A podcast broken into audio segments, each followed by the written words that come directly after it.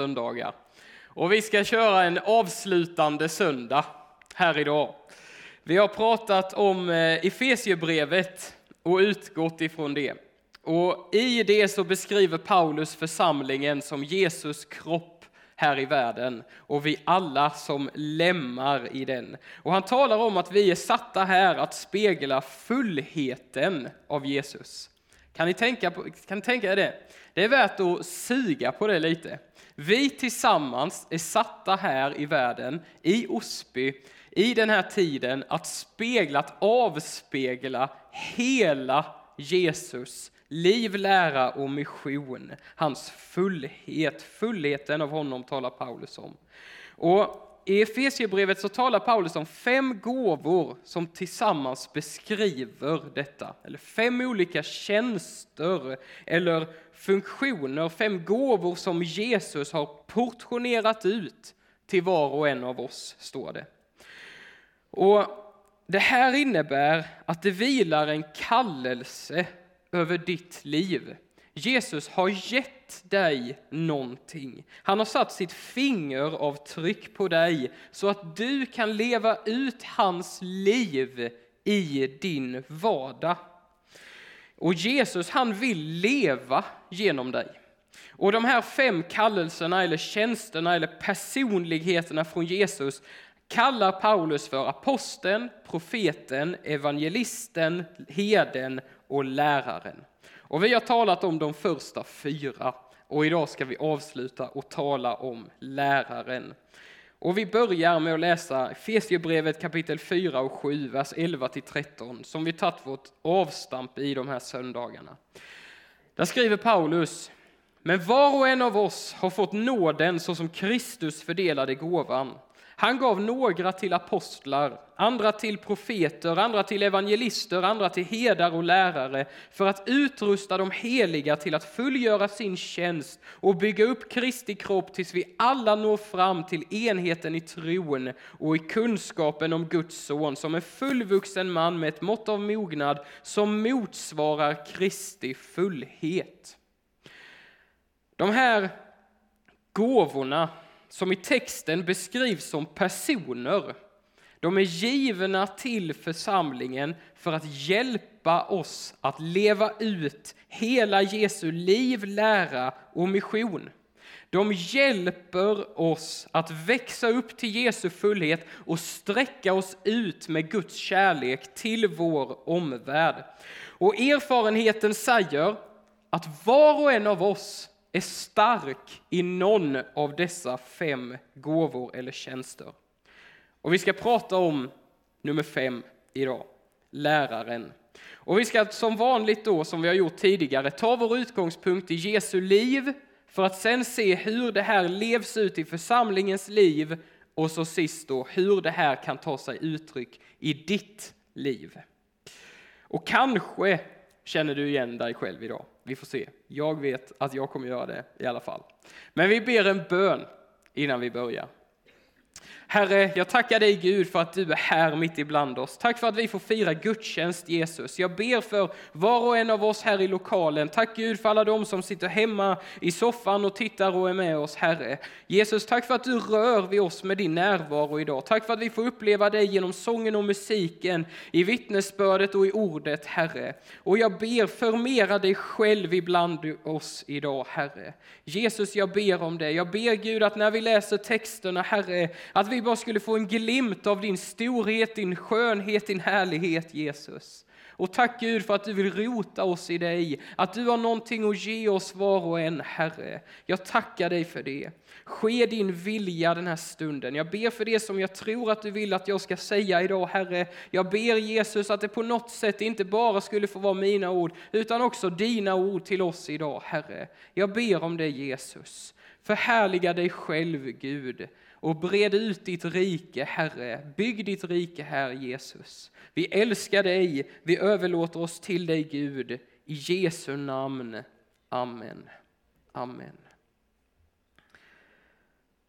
Vi ska tala om lärargåvan, eller lärartjänsten. Och den handlar om överlåtelsen till den här, till Guds ord, till Bibeln. I Bibeln, den här boken, så är Guds ord en röd tråd. Vi kallar ju till och med det här för Guds ord, eller hur? Eh, det är en röd tråd bland många, men gång på gång när vi kommer, när vi läser Bibeln, så är Guds ord en viktig del i berättelsen. På Bibelns första sida så läser vi om hur Gud, han talar och saker blir till. Gud talar, Gud liksom använder sitt ord för att skapa. Ehm, vi läser om hur Gud varje dag, varje timma, varje minut så upprätthåller han hela skapelsen med sitt ord. Vi läser om hur Gud han sa och du blev till, står det. Med lite hjälp av dina föräldrar såklart, men framför allt med Guds kraft och hans nåd och omsorg och vilja hans ord, säger Bibeln. Och när vi läser berättelserna här i så ser vi att Gud han talar till sitt folk. Och resultatet av det talet, det är det här som vi håller i vår hand idag, Bibeln. Vi kallar det för Guds ord. Det är en samling böcker skrivna av människohand, men inspirerade av Gud. Och vi säger att Bibeln är Guds skrivna ord till varje generation, varje tid och varje kultur. Och genom den lär vi känna vem Gud är. Vi lär känna hans vilja med människan och med skapelsen. Och Bibeln är berättelsen om hur Gud räddar världen. Och Bibeln säger mycket om Guds ord. Bland annat, vi, ska, vi bomba lite bibelord här nu. Det är alltid bra. Jag gillar det. Psalm 119 och 105 så står det så här. Ditt ord är mina fötters lykta och ett ljus på min stig. I psalm kapitel 1 och vers 1-3 så står det så här. Salig är den som inte följer de gudlösas råd, som inte går på syndares väg och sitter bland föraktare, utan har sin glädje i Herrens undervisning och begrundar hans ord både dag och natt. Han är som ett träd planterat vid vattenbäckar som bär sin frukt i rätt tid och vars löv inte vissnar och allt han gör, det lyckas väl. Hebreerbrevet 4 och 12 säger så här, Guds ord är levande och verksamt. Andra Timoteusbrevet 3 och 16 säger så här, hela skriften är utandad av Gud och nyttig till undervisning, till rättavisning, upprättelse och fostran i rättfärdighet så att gudsmänniskan blir fullt färdig, väl rustad för varje god gärning. Alltså Guds ord är någonting levande. Det har skaparkraft. Det gör någonting med oss när vi umgås med den här boken. Det är liv. Det förvandlar oss. Och Guds ord är lärargåvan och lärartjänstens hantverk. Läraren är ordets tjänare. Han eller hon hjälper församlingen, kroppen, människor att upptäcka och förstå Guds ord. Och läraren odlar en kultur av kärlek, överlåtelse till Guds ord. Så frågan då som vi har ställt oss tidigare och som vi ska ställa oss idag också. Var Jesus en lärare? Var han överlåten till Guds ord? Det kan man ju säga att han var, eller hur? Ganska mycket faktiskt. Och människor kallade honom för rabbi. Vad betyder det? Det betyder lärare, eller hur? Så där har vi det. Så, eh, så svårt var det. I Johannes 13 och 13 så säger han uttryckligen Jag är läraren, säger han med stort L. I vår översättning står det mästare, men i grekiskan så kan det också översättas med lärare. Johannes 14 och 6 så säger Jesus så här Jag är vägen, sanningen och livet. Alltså Jesus visar oss och undervisar oss om vägen och sanningen. Han är vägen. Han är vår guide, han är vår mentor, han är den som leder oss och uppenbarar Guds ord för oss, vem Gud är Och i Johannes evangeliets första kapitel, som också Birger citerade här innan, så läser vi att Jesus till och med är Guds ord som har tagit kropp. Johannes kapitel 1 och vers 1-5 så står det så här, och vers 14. I begynnelsen var ordet, ordet var hos Gud och ordet var Gud. Han var i begynnelsen hos Gud. Allt blev till genom honom och utan honom blev ingenting till av det som är till. I honom var liv och livet var människornas ljus och ljuset lyser i mörkret och mörkret har inte övervunnit det. Och ordet blev kött och bodde bland oss och vi såg hans härlighet. Den härlighet som den enfödde har från Fadern och han var full av nåd och sanning. Det är advent. Vi ska snart fira jul. Och vad är det vi firar då? Jo, att Gud blev människa i Jesus Kristus. Guds ord tar kropp i Jesus och han hjälper oss att förstå vem Gud är. Jesus är inte bara läraren med stort L, han är Guds ord. Han är Guds ord. Jesus är vår rabbi, han är vår mästare, vår lärare, han är vår guide, han är den vi lyssnar till. Och I Matteus evangeliet 7 och 24 säger Jesus så här. Den som hör dessa mina ord och handlar efter dem liknar alltså en klok man som byggde sitt hus på klippan. Regnet öste ner, floden kom, vindarna blåste och kastade sig mot huset, men det föll inte, för det var grundat på klippan. Jesus är liksom vår lärare, vår byggmästare. Det finns ingen tvekan att när vi tar hans ord, tar det till oss och liksom grundar det i vårt liv, så gör det någonting med oss. Det bygger ditt liv. Jesus är en lärare. Han är liksom mönsterläraren. Så vad betyder det här då för församlingen?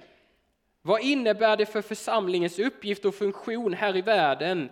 Jo, i församlingen så fortsätter inkarnationen.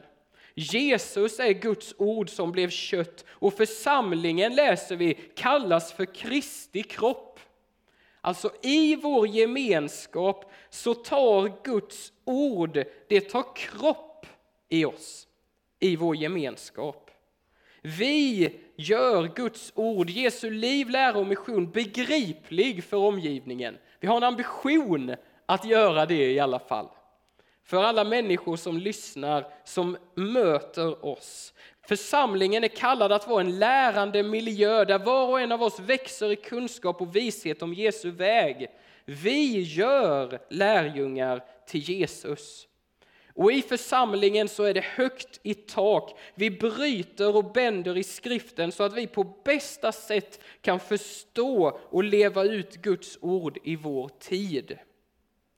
Och församlingen ger varje medlem verktyg att själv upptäcka och interagera med Bibeln så att vi genom den hör Guds personliga tilltal till var och en av oss. Församlingen vägleder och hjälper människor att nå sin fulla potential som Guds unika avbilder och vi hjälper dem, vi hjälper oss att växa i lärjungaskap till Jesus. Församlingen är kallad att vara en lärande miljö för människor, att upptäcka Jesus. Så vad är då lärarens gåva till församlingen?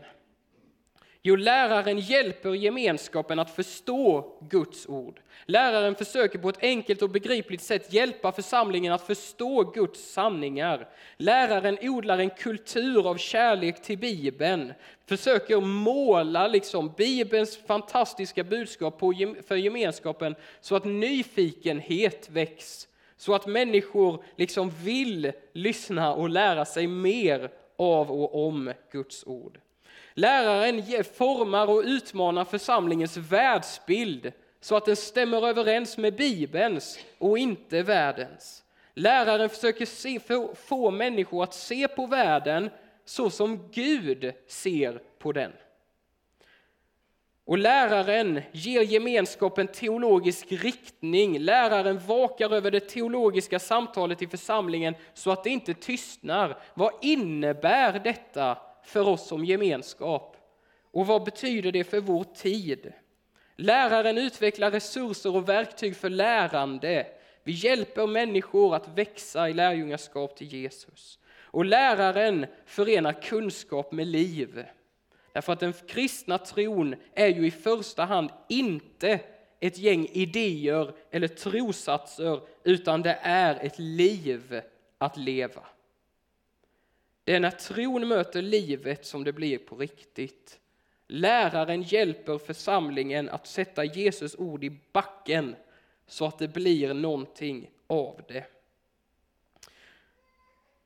Så församlingen är tänkt att vara en lärande miljö som leder människor fram till Jesus som är läraren med stort L. Ordet som blev kött. Han är Guds vishet, han är vägen, sanningen och livet. Och vad är det då som är goda nyheter i det här? Jo, Jesus vill kommunicera med dig. Jesus vill prata med dig, tala med dig. Och han gör det genom sitt ord. Men han gör det också genom direkta tilltal. Han gör det genom gemenskapen. Vi talar Guds ord till varandra. Och Jesus han säger i Johannes evangeliet att jag kallar inte er längre tjänare, för tjänaren vet inte vad hans herre gör. Jag kallar er vänner, säger Jesus. Ni är mina vänner, säger han. Han vill kommunicera med dig. Han vill dela sitt liv med dig.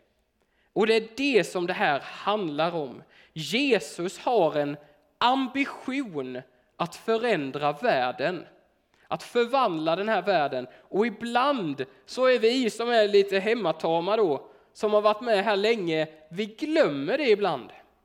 Men Jesus han vill förändra världen och du och jag får vara med. Och sättet han gör det på är genom människor som du och jag som lever Jesus liv genom sitt liv. För var och en av oss så ser det lite annorlunda ut. Och den här hösten så har vi då pratat om Jesus liv, lära och mission. Och som församling är vi kallade att leva ut hela, allt det där. Och det tar sig uttryck i dessa fem tjänster som vi har pratat om. Församlingen är apostolisk. Vi är kallade att nå nya människor med evangeliet. Församlingen är profetisk. Vi är överlåtna till Guds förbund och hans röst och närvaro. Och församlingen är evangeliserande, alltså vi proklamerar frimodigt Guds frälsning och räddning för alla människor. Församlingen är kallad att leva i en överlåten gemenskap, heden. Vi bär varandras bördor, vi har omsorg om varandra och församlingen är kallad att vara en lärande miljö som hjälper människor att växa till i lärjungaskapet om Jesus. Och vi har pratat om att Jesus har satt sitt fingeravtryck på dig. Hans liv tar sig uttryck i ditt liv på ett unikt och särskilt sätt. Tillsammans så bygger vi upp kroppen och speglar fullheten i Kristus. Jesus vill använda dig i utbredandet av Guds rike. Och jag hoppas att de söndagar när vi har pratat om dessa gåvor så har det väckts någonting i dig. Därför att du ryms i Jesus. Ditt liv får plats i honom. Med alla dina gåvor, med alla dina intressen, allt det som du är bra på och som väcker passion i ditt liv. Det finns där av en anledning. Därför att Jesus vill leva genom dig, genom de sakerna. Och Jesus har gett oss allt vi behöver för att lyckas med det uppdrag som han har gett oss som församling. Och det bästa vi kan göra är att ställa våra liv i hans tjänst. Och troligtvis är det så då att du i någon av dessa fem tjänster som vi har pratat om, i någon av dem så finner du dig själv. Jesu liv tar sig uttryck i ditt liv Och det gör det på ett unikt sätt. Och när jag ser på de här fem gåvorna och mitt eget liv så kan jag se att min starkaste gåva är lärargåvan. Det kommer mest naturligt för mig. När jag går ensam här inne i veckorna och ber så är jag glad att vi inte har några fönster. För att jag börjar prata för mig själv. Jag börjar predika när jag ber. Jag kan sitta och läsa en bok och sen så måste jag ta fem minuters paus för då går jag och pratar högt för mig själv för att bearbeta det som jag har läst. Det kommer naturligt för mig. Jag undervisar, liksom. Även om ingen lyssnar. I måndags så var vi iväg med mig, var jag och Ida iväg. Vi satt och fikade och så helt plötsligt frågade man Johan, vad tänker du på? Jag tänkte, vadå, jag tänker inte på något. Jo, men du sitter och mimar. Då sitter jag där och pratar för mig själv i kaféet. Och eh, det är så det funkar liksom. Men eh, jag är glad att ingen ser mig så ofta när jag gör det. Men det kommer liksom mest naturligt för mig. Men det här innebär också att min lärargåva tar sig inte samma uttryck som Pers lärargåva till exempel. Och det som är viktigt att säga när vi talar om alla de här grejerna är att det, det här handlar inte liksom om ramar och fack att placera oss in själva i, utan kallelsen är alltid till Jesus först. Kom, följ mig, säger Jesus. Det är han som är livets källa. Det är honom som du finner dig själv. Och när du speglar dig själv i honom så kommer du se att hans liv tar sig uttryck i ditt liv. Därför att du ryms i honom. Och ibland i kyrkan så har vi talat på ett sätt där vi har värderat vissa saker högre än andra. Och det är inte bra. Det är fel. Därför att Jesus, han gör inte det. Jesus gör inte det. Du ryms i Jesus. Det har inget mer värde i att stå här uppe och synas. Liksom. Några av oss gör det oftare än andra, så är det, för att vi har olika gåvor. Men det betyder inte att du som sitter, kanske inte står här uppe så ofta, ska sträva efter att komma upp hit. Att det är något fel på dig när du inte vill vara här uppe. Därför att Jesus tar sig uttryck i våra liv på olika sätt och det är meningen att det ska vara så. Och det finns två olika diken att falla i här. Det ena diket där vi tänker att eh, ja, men jag, jag, jag bara lever mitt liv liksom och är nöjd med det. Jag behöver inte fundera över vad Gud han kallar mig till liksom. Det är ett dike. Det andra diket är här borta, då vi springer runt och oroar oss jättemycket över vad är det Gud kallar mig till? Vad är det liksom han vill att jag ska göra? Och vi liksom, kanske gör den eller den eller den och så landar vi aldrig någonstans så blir det en stress i oss. Vi måste vara någonstans här i mitten där vi kan se att jo, men det vilar faktiskt en kallelse över mitt liv. Gud vill använda dig i din vardag. Han går med dig, han vill leva sitt liv genom dig. Men du behöver inte känna en stress och en press över liksom att hamna i ett fack någonstans, utan lev ditt liv med Jesus i centrum, så kommer det där komma naturligt. Men fundera, det är värt att fundera över vad är det jag brinner för? Vad är mina intressen? Vad är det som är min passion? Var, hur liksom tar sig Jesu liv uttryck i mitt liv? Och vad vill han att jag hur kan jag tjäna honom? Det är värt att fundera över. Och det ser olika ut för var och en av oss och det är meningen att det ska vara så. Och när man tittar på vår församling, här finns också diken att falla i. När man tittar på vår församling så kan man se att, att vi har många starka herdar och lärare i vår gemenskap. Och då är det naturligt att det som kommer fram, det som hörs och det som syns är det som är viktigt för heden och läraren. Men det gör att vi ibland, våra blinda fläck, vår blinda fläck är ju det som är viktigt då för aposteln, profeten till exempel, kanske evangelisten. Och här är också ett dike att falla i. För att om vi bara pratar om det som är viktigt för heden och läraren så kommer vi med åren försvinna. Därför att vi liksom bryr oss om vårt eget och vi ska göra det, ta hand om varandra, växa liksom i kunskapen om Guds ord och så vidare. Vi ska det, men om vi glömmer bort det som är viktigt för aposteln, profeten och evangelisten, att vi måste, evangeliet måste ut. Vi måste gå till de andra byarna också, som Jesus säger. Så missar vi någonting.